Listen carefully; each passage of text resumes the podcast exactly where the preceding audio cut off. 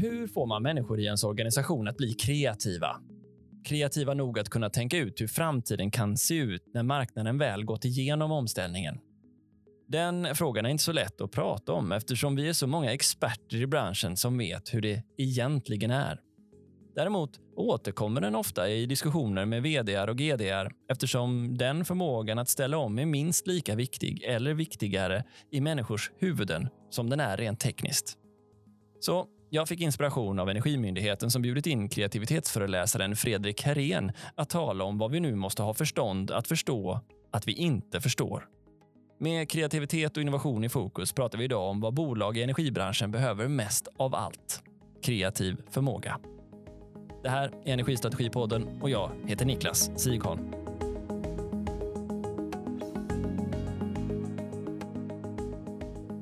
Fredrik Herén, varmt välkommen till Energistrategipodden. Tack så hemskt mycket. Och du är faktiskt en av de första gästerna jag har haft som kommer helt utanför energibranschen. Vad är din bakgrund och vem är du? Ja, vi börjar med där jag är nu. Jag är The Creativity Explorer, så jag har de senaste 25 åren åkt jorden runt och eh, intervjuat människor om kreativitet. Men jag kom dit därför att jag skrev en studentuppsats 1994 på temat internet och marknadsföring som sen blev en bok. Det var där jag började, 95 till 2000 så, så utbildade jag svenska företag i vad internet var. Min första föreläsning började så här. Internet är ett nätverk av nätverk. Eh, men utifrån det, så det är det, det är, jag, jag studerar innovation och kreativitet nu i alla branscher, eh, i alla länder och alla typer av bolag kan man säga. Sen kan jag lägga till också då att jag bor ju då på, jag har bott utomlands i 17 år i Singapore och Kina. Men nu har jag flyttat hem och nu bor jag på en, det som tidigare var min sommarstuga. Och där är vi off-grid, 100 procent. För jag köpte solceller 1999 när jag köpte den här ön som jag är på nu.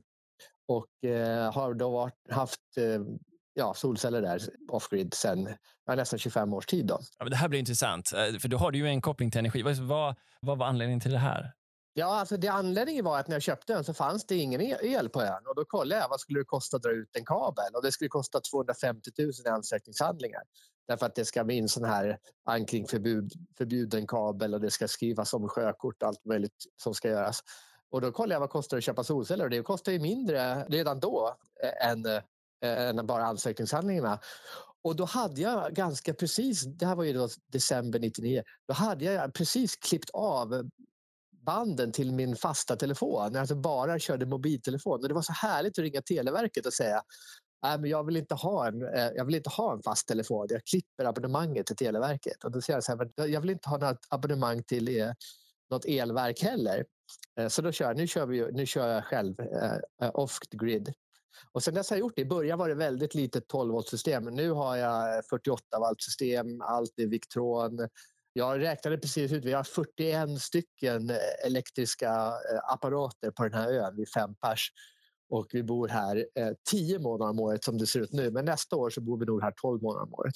Och hur löser du hur löser du balanseringen? Ja, alltså nu, nu, är vi, nu bränner vi då pelletsar och eh, tyvärr också lite eller bensin då på generatorn. Det här är vår eh, fossil, fossilperiod, men den är ungefär fyra månader. Om åtta månader om året är vi, är vi helt eh, eh självförsörjande och då har vi tvättmaskin och diskmaskin och allt möjligt här. Ja, men du nämnde för mig att ni också varit inne på vågkraft, visst var det så? Ja, vi har vågkraft. Vi, alltså, 99 köpte jag solceller och sen för två år sedan, så, nej för ett år sedan, så sa jag jag måste fixa någonting som, eh, när det inte är sol. Och då var det någon på skoj som sa varför har, sätter du inte in vågkraft? Då ska man komma ihåg, det här ligger ju på Lidingö så det är inga vågor att prata om här. Men på skoj så googlade jag vågkraft, eh, entreprenör, prototyp eller något sånt där. och då kom jag upp ett projekt, med Novi Ocean, som är ett eh, företag utifrån bland annat med KTH inblandat. Och då mejlade de på skoj och sa det är inte så att ni har någon liten prototyp. För den här ska egentligen ligga utanför Portugal och vara 30 meter lång och ha 10 meters vågor eller vad så här jättestora. Och då ger den ju massor med.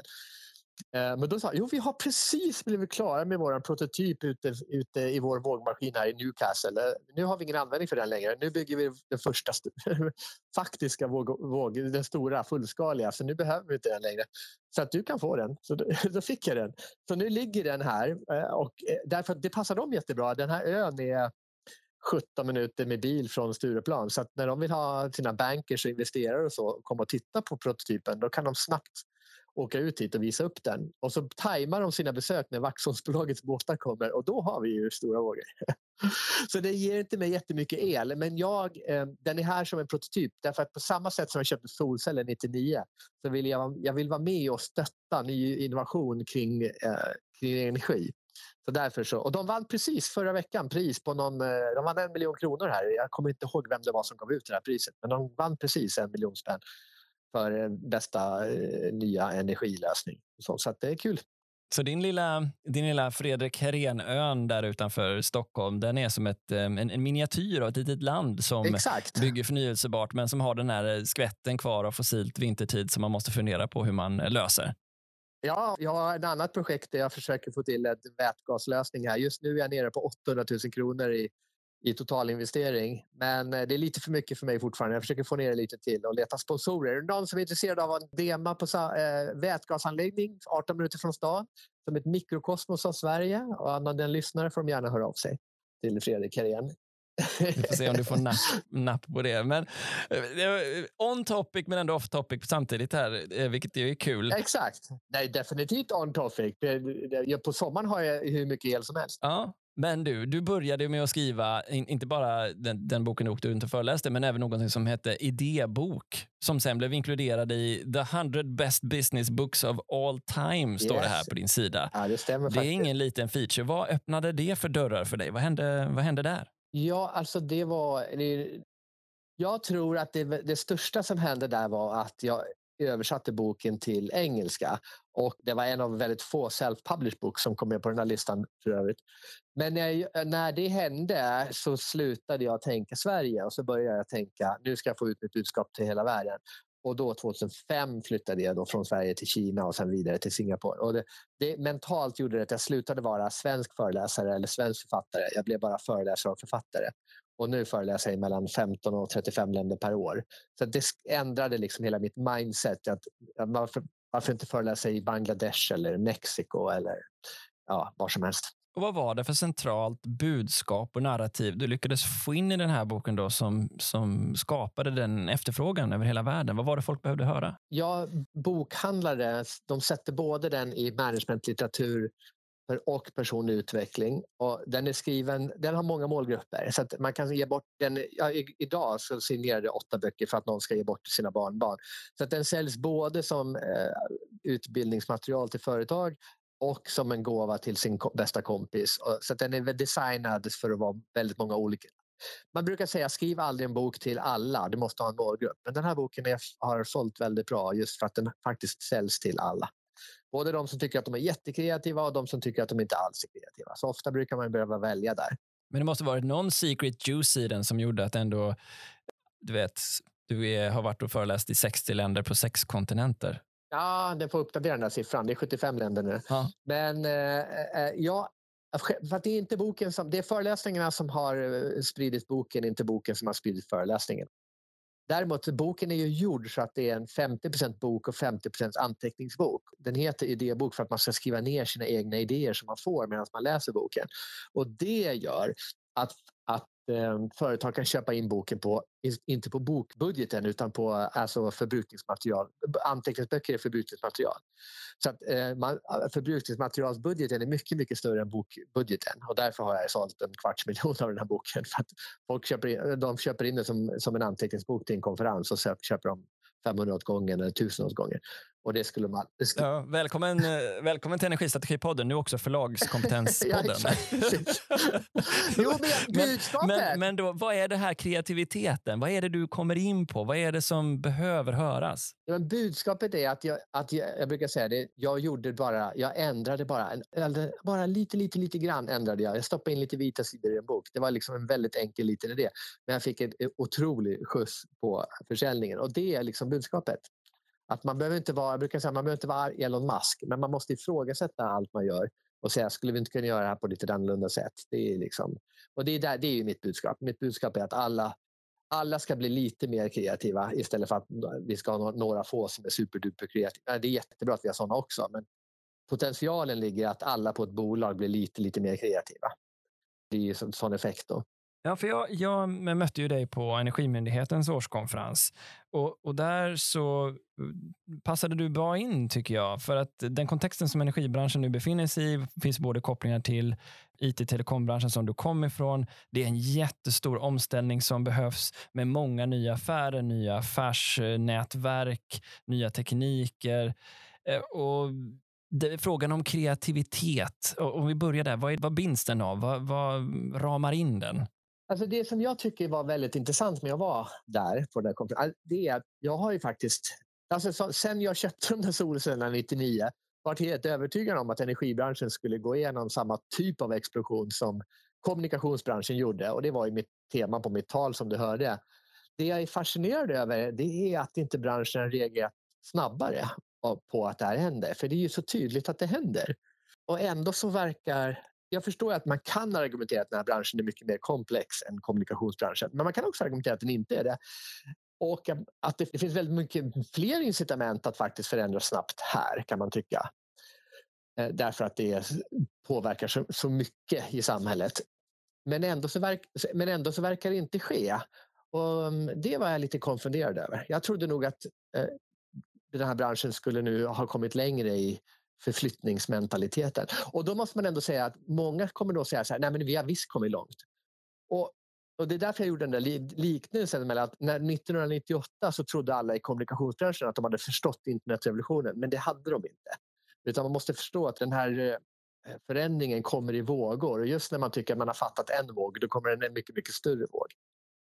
Och jag, trodde ni, jag, trodde ni, jag trodde branschen skulle kommit in i en andra, tredje våg vid det här laget. Men det verkar på något sätt fortfarande vara i första vågen. Ja, men vi, vi kommer ju lite från en eh, historia, eller inte så lite heller, där vi haft eh, under de senaste 40 åren i energibranschen ändå en väldigt stor, eh, en hyfsat stor stabilitet i, det, vilka energimängder vi har behövt. Visst, det har blivit förändringar i exakt hur den här mixen ser ut, men det har ändå varit ganska förutsägbart och fortfarande följt den här logiken. Vi producerar här, vi konsumerar där och nu går vi till någonting helt annat. Eh, då band du det här med kreativitet till olika förmågor. Du hade till och med varit och lyssnat på barn kring kreativitet. Det här är ett svårt ord och för mig kanske som saknar lite bakgrund just kring det här att, att få grepp om. Mm.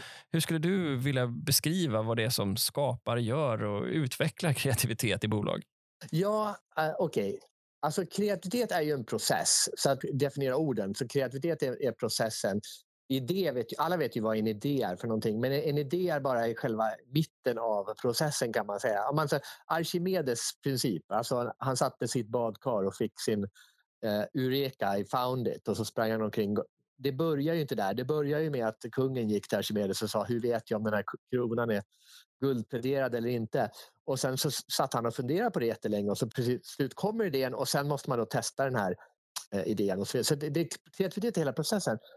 Men ur ert perspektiv, eller er branschs perspektiv, då tycker jag det jag pratar jag brukar kalla det för idéperception. Och det är en speciell typ av kreativitet. Idéperception är förmågan att göra fyra olika saker. Ett, förstå att en förändring kommer att ske. Två, förstå vad den här förändringen kommer att innebära. Tre, förstå vad jag nå, vad, om det här nu kommer att ske, vad måste jag då göra? Och fyra, göra det som man förstår att man måste göra. Och idéprecision består av att ha alla de här fyra delarna. Det räcker inte att man ser att en förändring håller på att ske. Man måste också förstå, att till exempel covid.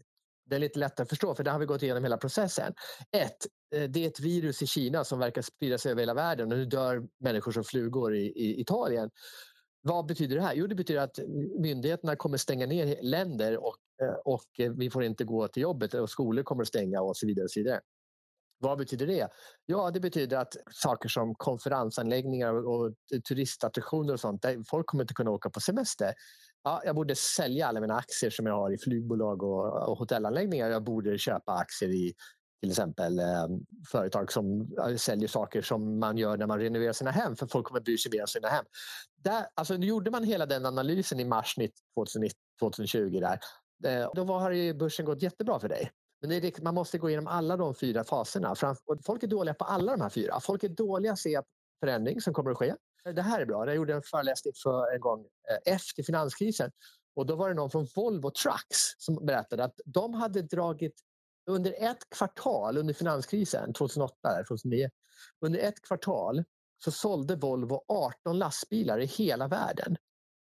Därför att man, om man drog av alla lastbilar, alltså drog av alla avbokningar de fick och la på alla bilar de sålde, då sålde de 18 stycken i hela världen på ett kvartal. De sålde inte en lastbil.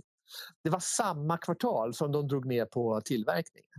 Därför att de var inte snabba nog att förstå vad som höll på att hända. De borde ju dragit ner på det två kvartal innan. Det finns någon sån här episkt klipp där eh, Volvos vd då säger någonting i stil med att nu är det totalt stopp. Mm. Och det, men det, fanns, det där såg man ju långt innan dess. Så det, det där, det, förmågan att se att världen håller på att förändras, den är otroligt värdefull. Den som ser att vägen svänger först har en otroligt försprång över de som inte, alltså, mot de som ser att vägen svänger när det är för sent att bromsa. Om man säger så. Jag tycker att en av utmaningarna som vi har det är att vi har investerat i branschen så in i bänken mycket pengar på hur det var. Mm. Som inte alltid är anpassade till hur, hur det kommer bli. Mm. Den är ju jobbig, tänker jag, att möta. Ja, det, det, är sant.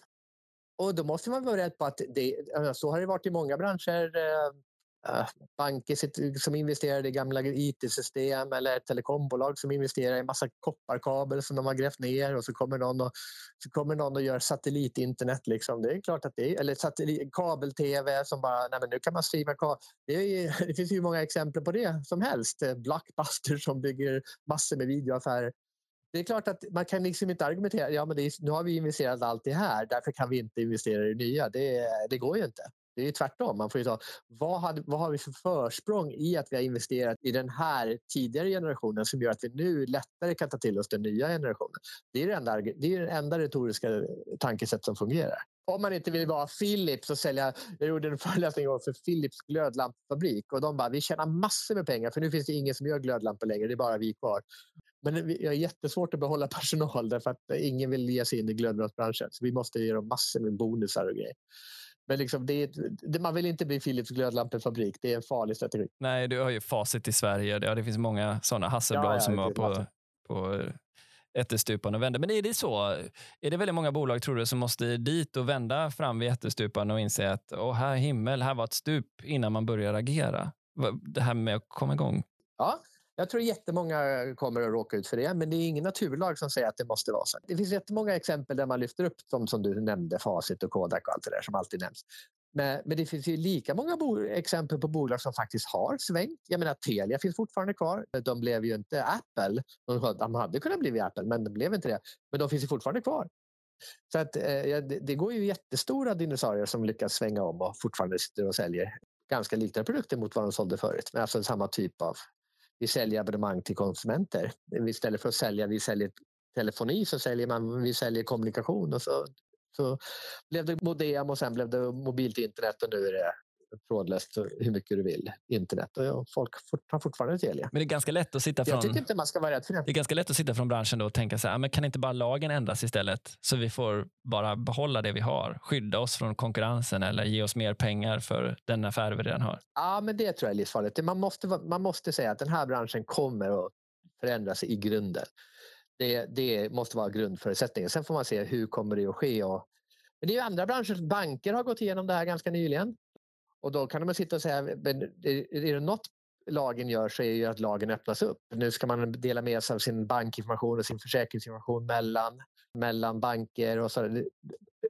Lagen brukar ändras till innovatörernas fördel till slut. Så det är nog farligt att tro att eh, det kan stoppa upp ett tag men till slut eh, så, eh, så kan inte eh, lagarna stoppa utvecklingen.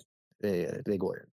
Ja, det är någon slags uh, schumpeteriansk utveckling här med liksom, creative destruction som pågår. Vissa är med och trivs jättebra, andra måste tyvärr liksom lämna branschen. Men om jag då är en, en, en, en vd eller en generaldirektör för en myndighet eller ett stort bolag där ute. Jag sitter och funderar. Här sitter jag med min ledningsgrupp och alla har jättelång erfarenhet av den här status quo. Mm. Vad är det som gör att man antingen lyckas eller inte lyckas med att ta sig an affärer som kanske kannibaliserar på tidigare styrkepositioner? Jag tror att det viktigaste man kan göra om man sitter i den rollen det är att göra scenari alltså olika scenarios nu för att tvinga sig själv att se alternativa verkligheter. Ett scenario är ju det. Man skulle till exempel kunna göra scenariot nu är alla så här, åh, vi, vi kommer behöva så otroligt mycket el. Eh, hur ska vi klara det här? Elen kommer bli jättedyr. Ja, men vi vänder på det. Vi säger Eh, nu kommer det behövas så mycket el så att alla kommer investera i lösningar för el så el kommer bli skitbilligt, det kommer bli gratis att ha el, det kommer inte vara något problem. Eh, vad skulle hända då? Bara som tankeexperiment, för att det är det man sitter fast i de här djupa spåren, liksom, som en vagn som kör fast i leran i djupa spår. Det är så svårt att komma ut. Att, att tvinga sig själv att spåna på nya alternativa verkligheter, det är jättenyttigt. Men det är så svårt kan jag tycka. För det finns ju också, om man kommer in i en ledningsgrupp och så säger man, jag vet inte vad jag ska ta för exempel om hur elnäten ska förändras. Eller vi säger att eh, kraftvärmen den är inte lönsam på 30-talet för all biomassa kommer användas eh, till avancerade biobränslen för sjöfart och flyg. Och även om det känns osannolikt nu så kanske det händer och då mm. förflyttar vi ett helt energiflöde från vad det historiskt har eh, gjort i decennier, ja generationer till någonting helt annat. Det är väldigt lätt att känna att eh, man nästan är lite löjlig. Förstår du vad jag menar? Jo, jag förstår vad du menar. Det är därför det är så bra att jämföra med bankerna just nu. För att Alltså, ska jag investera i Swish eller ska jag investera i Apple Pay? Eller vilken, vilken, vilken betallösning? Eller är det bitcoin jag ska investera Vilken strategi ska jag göra här? Det är ju skitsvårt att vara bank just nu. De, har, det de, har gått igenom, de ligger lite före i den här stora transformationen. Vad, vad blir digitala pengar i framtiden? De är ju redan mitt uppe i det.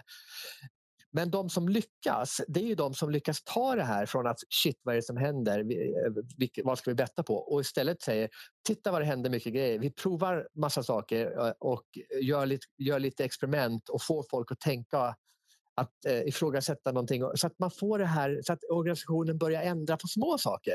Därför att när man får en organisation som är eh, förändringsvillig då kommer den också att klara av den stora förändringen vad den nu blir.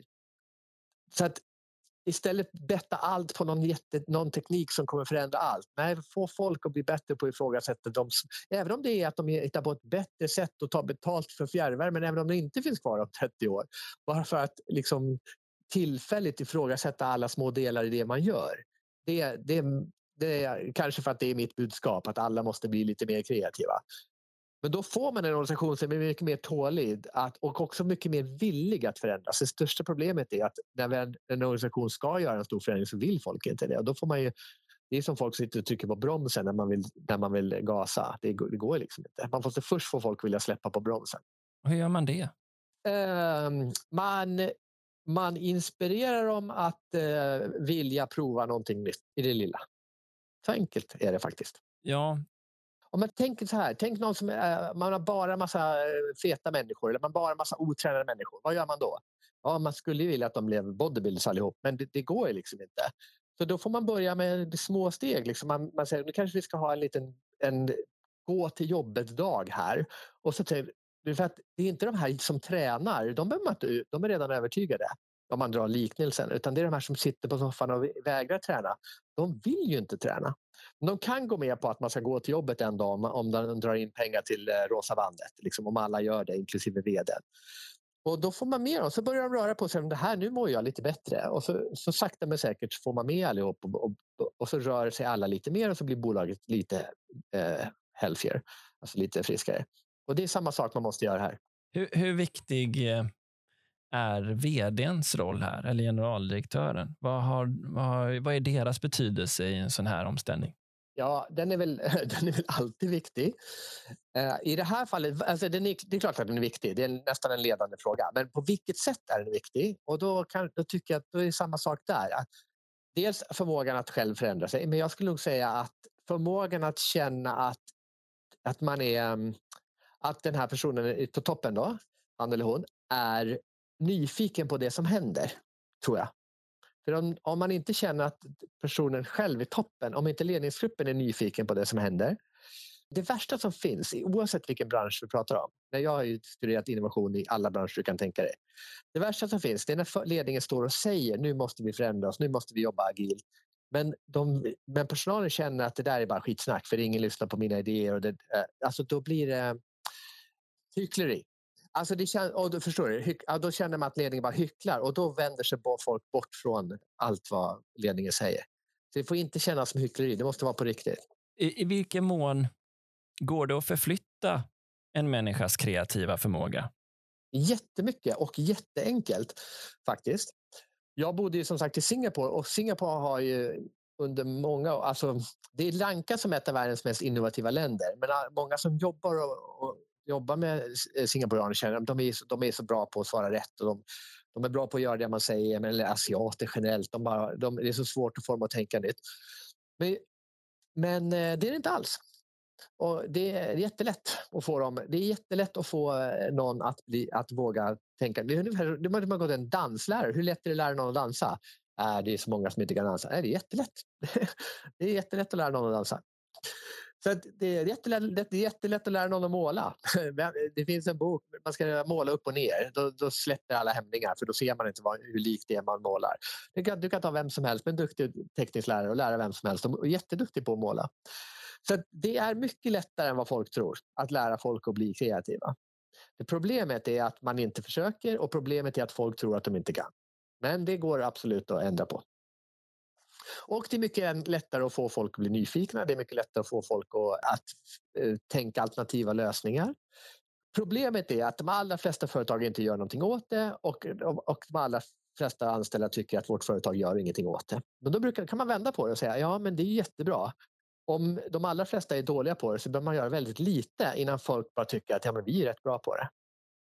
Problemet för den här branschen det är ju när startups kommer in och plötsligt vänder upp och ner på allting. För startup, där finns det den här tjänsten. Där, där känner ju alla, för de flesta startups bygger ju på att nu ifrågasätter vi allting och nu ska vi vända upp och ner på världen.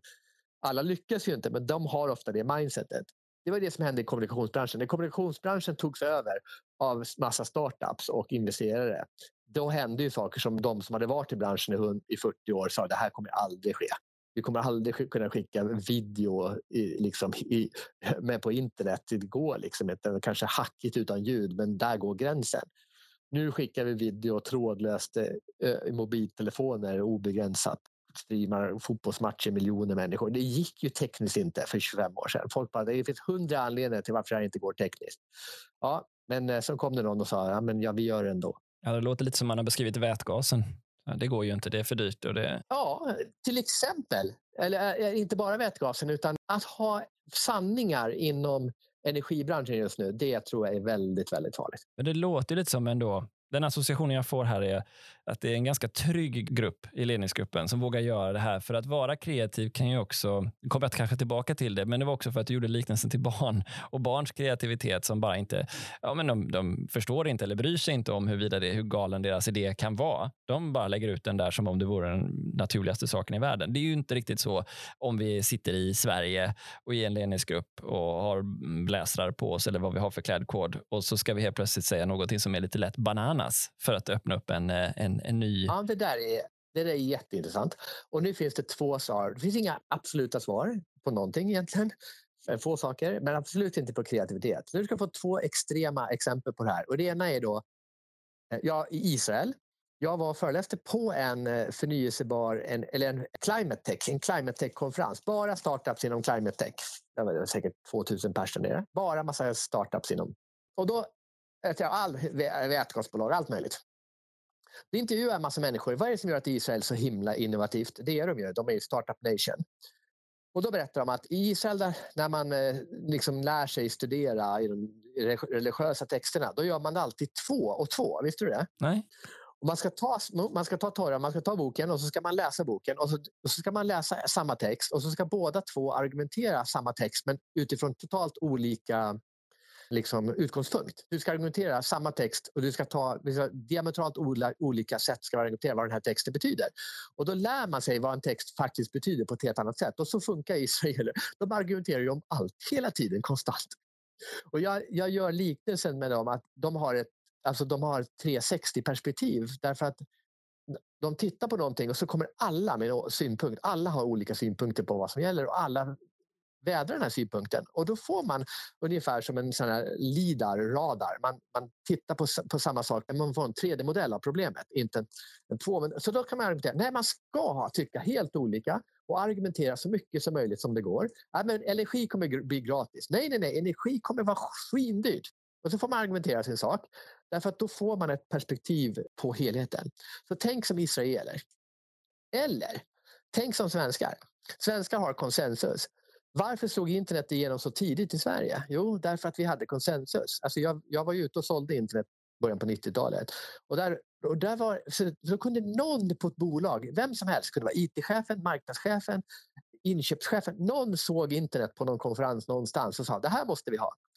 Så jag som hade internetkonsultbolag, jag kunde ha en IT-chef som kund, jag kunde ha en informationschef som kund, jag kunde ha en logistikchef som kund. Men någon sa nu kör vi internet, det här kommer förändra allt. Tyskland, där är det tvärtom. Nu, vi gör ingenting förrän vdn säger nu gör, liksom, när vdn säger nu gör vi elbilar, då, gör man el, då satsar man 100 Men man gör inte elbilar innan dess, för nu kör vi bensinmotor. Liksom. Så att konsensus betyder inte att alla tänker lika. Många tror det utomlands att konsensus betyder att alla tänker lika. Det gör det inte. Konsensus betyder kon, betyder tillsammans, eller liksom så. Men sensus betyder att känna. Konsensus betyder alltså att, all, att man känner tillsammans. Om alla känner att man är med, då känner alla att det här, om jag har en idé så kan jag testa den. Det betyder inte att man ska höra allas, att allas åsikter är lika mycket värda.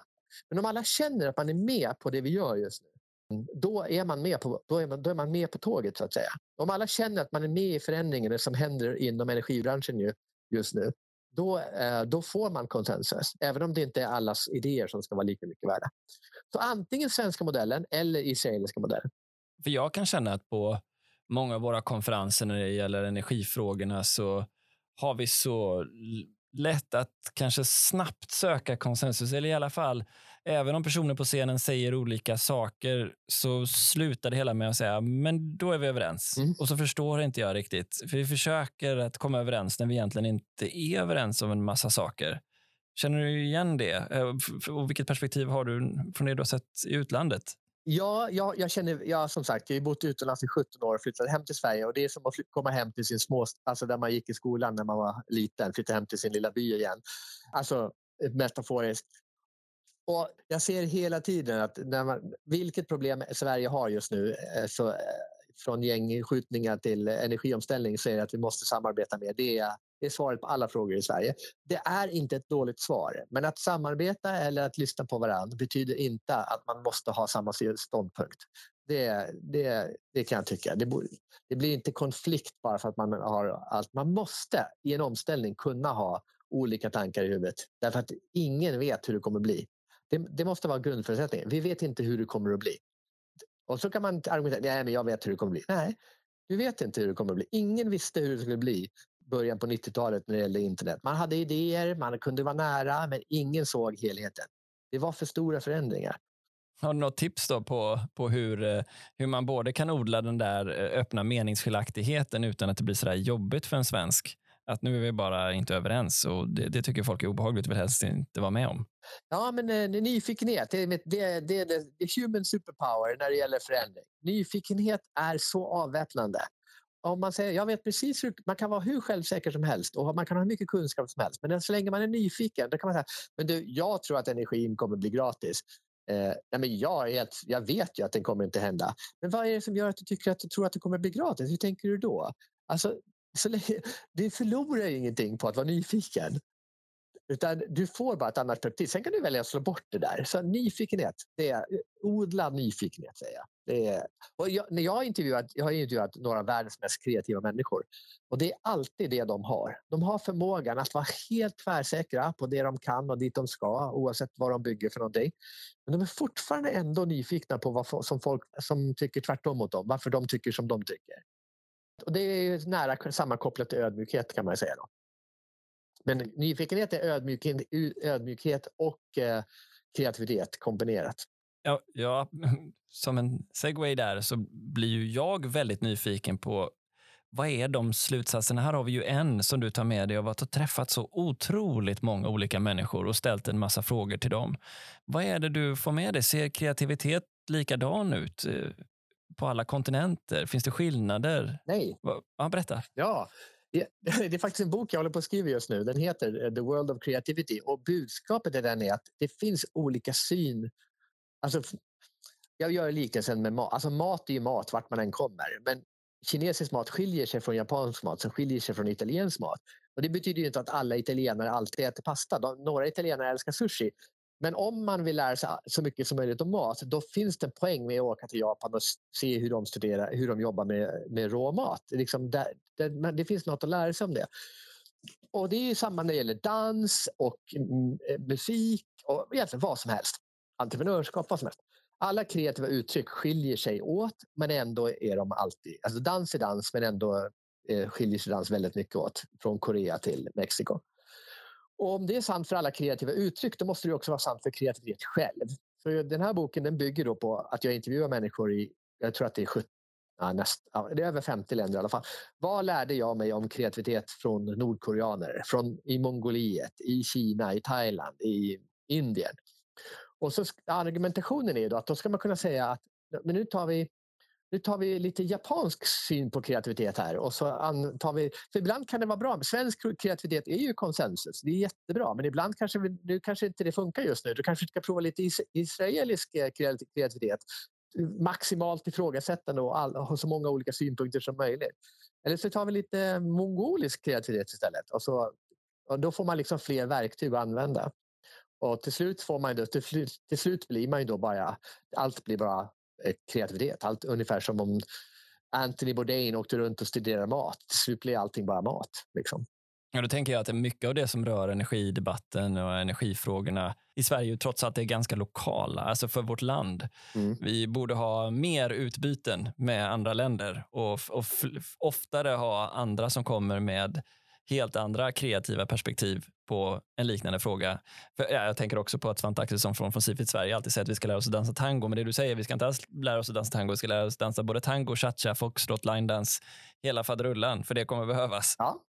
Ja, exakt. Det är, en väldigt, det är en, det är en bra sammanfattning. Och Det roliga med den här branschen är ju att det, den här omställningen som görs, den görs ju nu överallt parallellt, fast i olika nivåer. Liksom.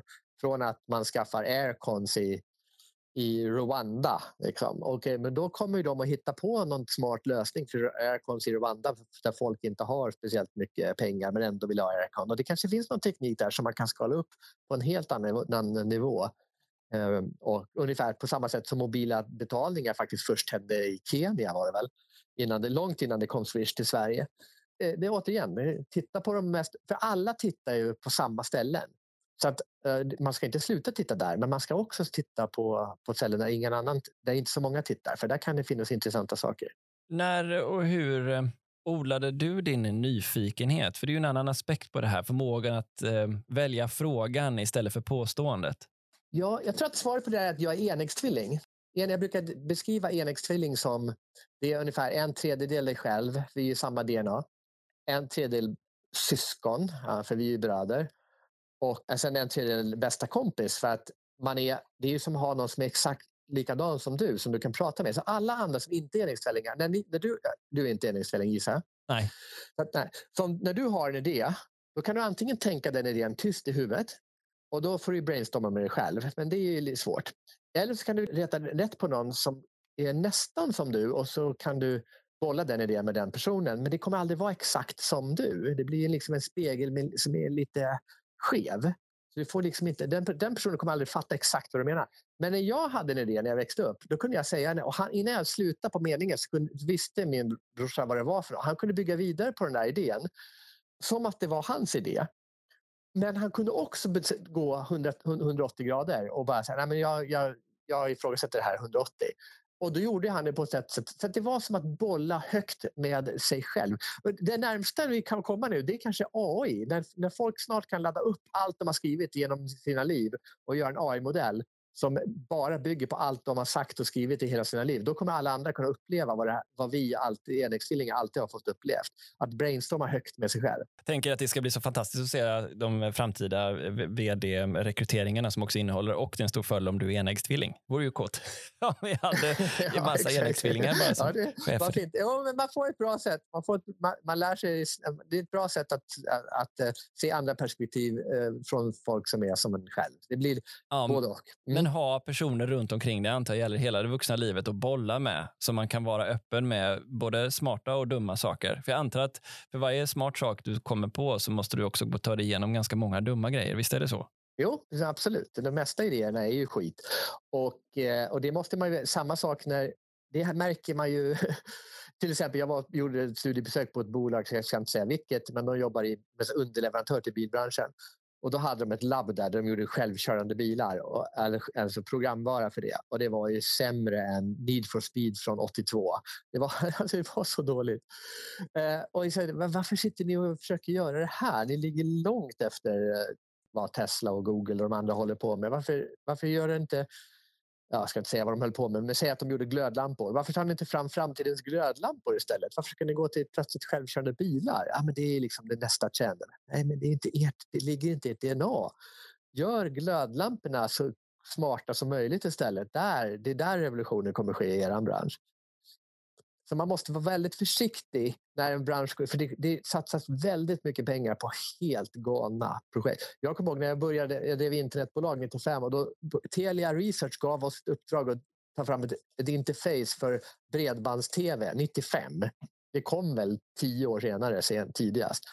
Och så byggde vi en 3D-stad där man gick från biografen till mataffären i 3D. Det var så jävla dåligt interface. Vi fick mycket pengar som helst för att bygga det där interfacet. Men det var helt fel tanke. Det, skulle inte, det är klart det inte ska funka så. Eh, det tar alldeles för lång tid. Det ska vara ett snabbt, smidigt human eh, interaction interface även på video. Så det kommer komma jättemycket dåliga idéer. Det måste man. Ja, men det är ju läskigt också. Ja, det... För jag menar, om, om, vi nu å ena sidan säger att oh, allting kommer förändras och det är gungfly under fötterna och man kommer behöva transformera sig själv och så säger vi samtidigt åh gud vad mycket dåliga idéer det kommer vara längs vägen. Ja, exakt. Men då igen, då kommer, då kommer den där flexibiliteten, då kommer ödmjukheten. Det här var fel, nu byter vi.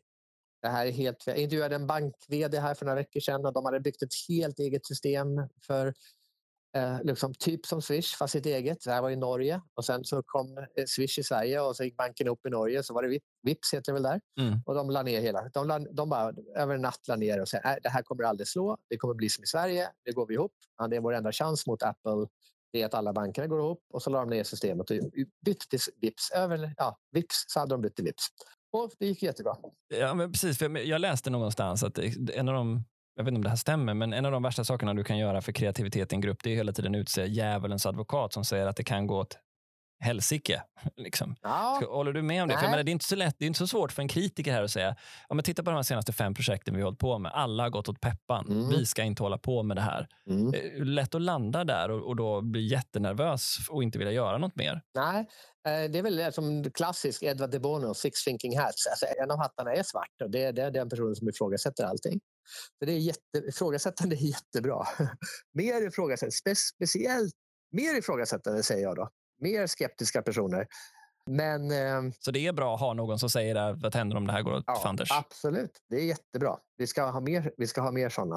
Eh, ja, om jag var vd på ett energibolag nu, då skulle jag identifiera vilka är våra hundra mest skeptiska personer och så skulle jag gå och säga till dem, ni, jag har identifierat er som de, ni är de hundra mest skeptiska på bolaget. Jag kommer dubbla er lön. Från och med nu så ska ni vara för innovation, men ni ska gå in och vara skeptiska till allt som görs. Men ni, får, ni måste alltid komma med en förslag på en lösning och det får inte vara den lösning vi har nu. Ah, du tvingar dem in i konstruktivism alltså? Exakt. De får vara konstruktivt skeptiska. Ja, för annars blir du lite pannkaka, tänker jag. Om de bara är skeptiska. Ja, nej, men annars blir, nej, de, nej, nej, men skeptiska är väldigt bra på att säga nej. Och, och, det kommer inte gå och det har vi provat förut. Och nej, vi ska fortsätta som vi... De, man får säga, det här är utmaningen. Ni ska vara skeptiska, men ni måste komma med ett förslag som inte är så här ska vi, vi ska fortsätta göra som vi gjort förut. Därför att det kommer inte vara lösningen. Intressant. Och då tänker jag en annan aspekt och en utmaning som jag inte vet eller jag tänker du kanske har ett perspektiv på, det är att nu går affärsmodellerna från att vara mer klassiska mm, business to consumer. Vi producerar någonting och så lämnar vi över det till en kund och så, så möts vi genom att vi fakturerar dem till att bli integrerade nätverksaffärer där tidigare konkurrenter måste gå ihop för att enas om att utveckla en ny marknad. Och det istället för att vara ensam som möter kunden så är du där med, måste du vara där med en 6, 7, 8 andra partnerföretag som tillsammans och bara tillsammans kan leverera den helheten kunderna behöver. Det där leder till en mycket mer ökad komplexitet. Finns det en bäring in i den här diskussionen kring det, om hur man kan tänka kring hur man skapar förutsättningar för att lyckas med det? Jag tror att det är väldigt, jag sa tidigare att man ska göra scenarios. Man ska också göra scenarier utifrån olika faser, till exempel elladdare på bilar. Och så alla sätta upp sina egna laddare. Men, och så nu måste, är man så förbannad för nu måste man ha 15 olika appar på telefonen. Men man vet ju att det kommer med all sannolikhet sluta med att vi har en app och all, den appen pratar, kan prata med alla laddare. Antingen att det blir en, alltså en USB-C-laddare, alla, alla mobiltelefoner måste ha samma laddare. Ja, vi slutar ju där till slut. Så att det är farligt att, att se liksom att den här förändringen kommer, nu kommer alla ha sina egna laddare. Till att, ja, men hur blir det i förlängningen? Ja, eh, då kommer vi kunna prata med varandra. Ska man ha, kommer självkörande bilar kunna prata? Alla bygger sina egna system. Ja, de kommer nog behöva prata med varandra i framtiden. Vi får bygga ett system för självkörande bilar där alla bilar kan prata med alla andra bilar. Annars kommer det vara suboptimalt. Så att förmågan att kunna tänka två steg, eh, se hur blir, vad blir nästa steg? Schack. Spela schack. förmågan att tänka tre, fyra steg framåt. Är, alltså, ja, skicka, skicka alla på schackkurs just nu. Ja. Ja, jag, jag, jag, tänker för att det, det, blir ju lätt så att det är saker som har varit väldigt hemliga tidigare. Jag menar, det räcker inte bara med att integrera säljarna i det här. Du måste ha med konstruktion, du måste ha med kommunikation. Du måste, det påverkar också organisationen, vilka människor som samarbetar med varandra, mm. hur de får dem att prata med varandra. Det får massvis med konsekvenser, en sån här förändring. Mm.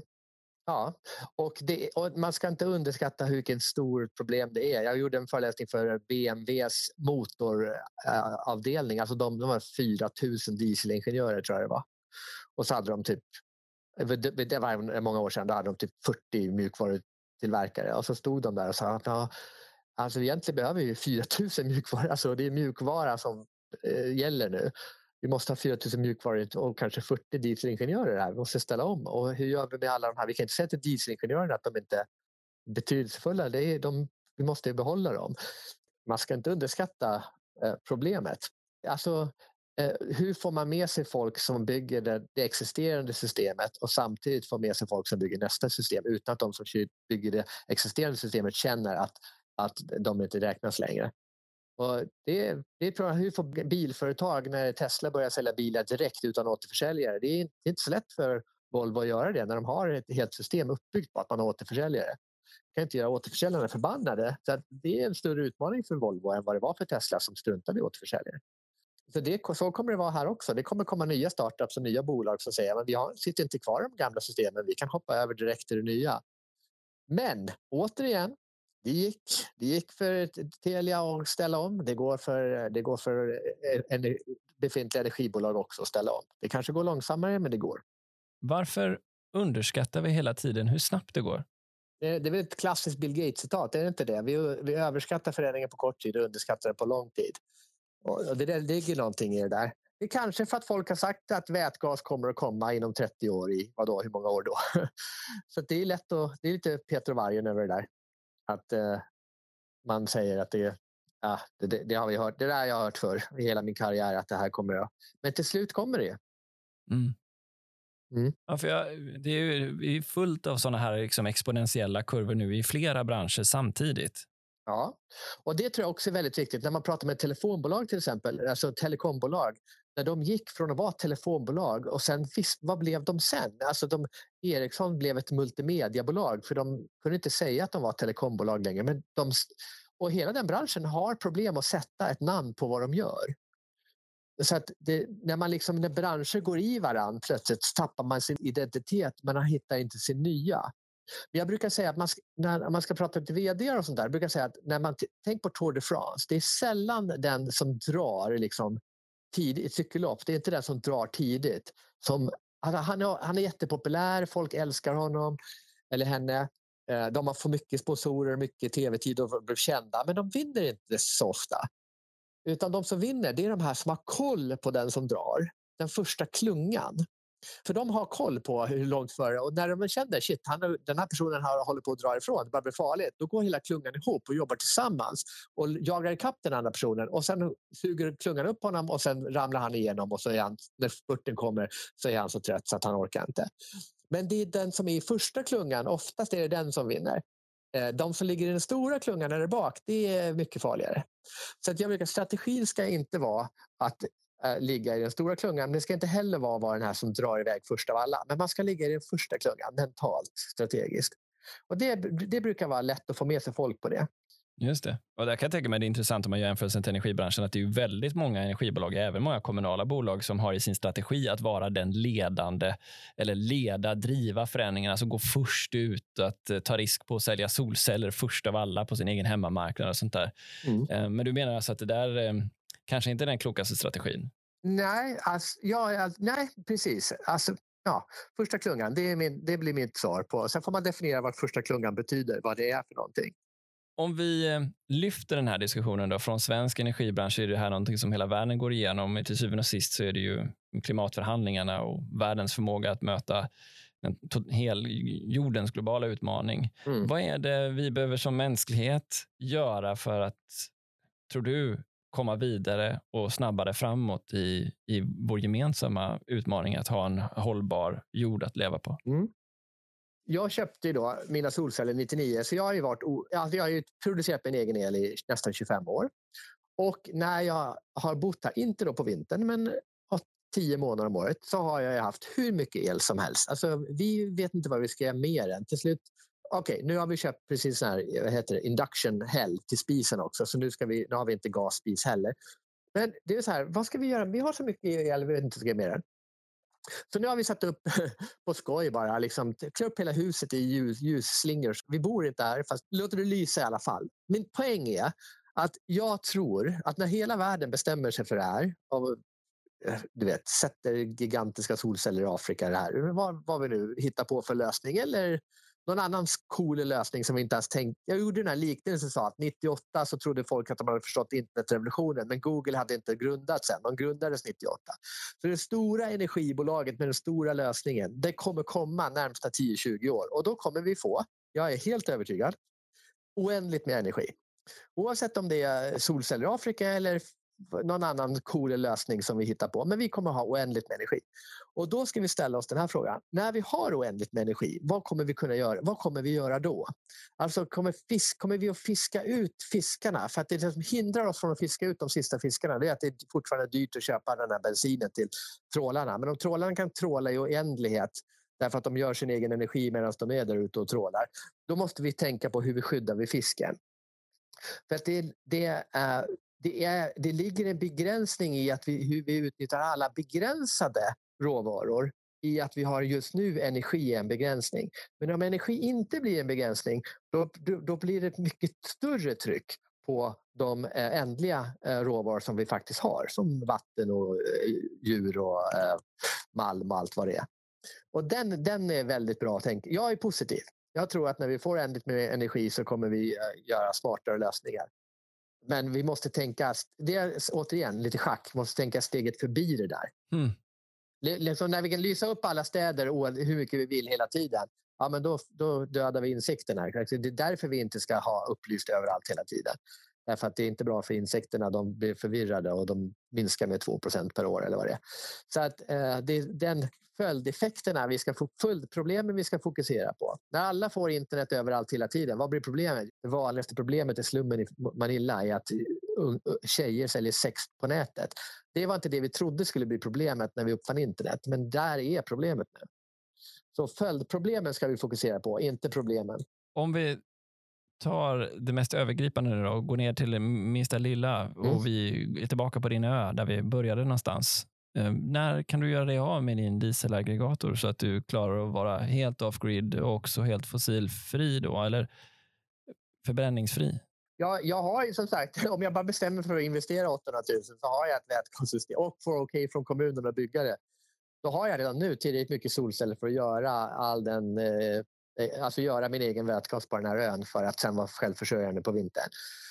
Så att det, det, det, är mer en, eh, det är mer så här, vill vi bo här på vintern och i sådana fall och inte ja, för att det är is och kallt och sådär. Men det, det, går ju. Det har ju rasat det priset från, vad hette han i Göteborg som gjorde det? Han har lagt 18 miljoner på sin... Nilsson ja, Energy. Vad har han lagt? 18 ja. miljoner eller 6 miljoner? Något, något, miljoner är det i alla fall. Och där rasar ju priserna just nu. Och det kommer, det är återigen jämförelsen med kommunikationsbranschen. Från att det var svindyrt att ringa till att det blev svinbilligt. Då ska vi tänka när det är svinbilligt att ringa, hur, hur, hur kommer folk att ringa då? Ja, du Fredrik, eh, tack så hemskt mycket för att du tog tid att vara med i Energistrategipodden. Det var jätteintressant att höra dina perspektiv. Ja, men tack så hemskt mycket att ni tog in. Eh, jag måste berömma dig att våga ta in en person på en branschpodd och få någon att prata som absolut inte är branschmänniska.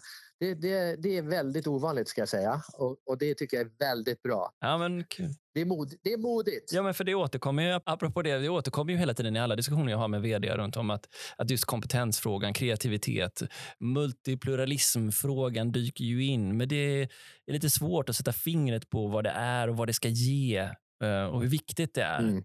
Det är väl så jag tänkte. För det som var så kul, avslutande ska säga, för det handlar om kompetens. Jag vet att du, du brinner för det. Det som var så roligt med internetbranschen, det var ju att det fanns ingen som hade interneterfarenhet. Utan det kom folk från telekombranschen, det kom managementkonsulter, det kom entreprenörer som trodde de kunde tjäna pengar, det kom designers från reklambyråer. Det kom massa människor från andra branscher in i den här branschen men ingen, det, var ingen var, det var ingen som kunde säga att det var deras bransch. Det var som en ö som hade kommit upp ur vattnet ett vulkanutbrott. Och plötsligt kunde man, eh, ingen kunde säga att så här har vi alltid gjort i internetbranschen, för det fanns inte någon internetbransch innan. Så kanske mitt sista råd skulle vara att man skulle sluta säga att, man, att det här handlar inte om energibranschen. Det handlar om vad får vi hitta på ett nytt namn då? Eh, för vad den här branschen kommer att vara när den, när den, går in, när den har kommit ut från Det är inte larven utan det är fjäril, vad heter fjärilen? Så då kan vi säga att det blir till exempel eh, Energy 2 kallar vi det för. Liksom. Energy 2, energi, energibranschen uppe till 2, Energy 2. Ja, precis. ja, det, får inte, för det får inte vara för långt, för det handlar ju både om din förmåga att värma dig och kunna eh, ha kraft i dina elektriska apparater där hemma och, och kunna transportera dig och ja, kunna leva ett gott liv. Ja, just. Men den branschen kommer att vara något helt annat när energi är mycket, mycket mer än vad det är idag.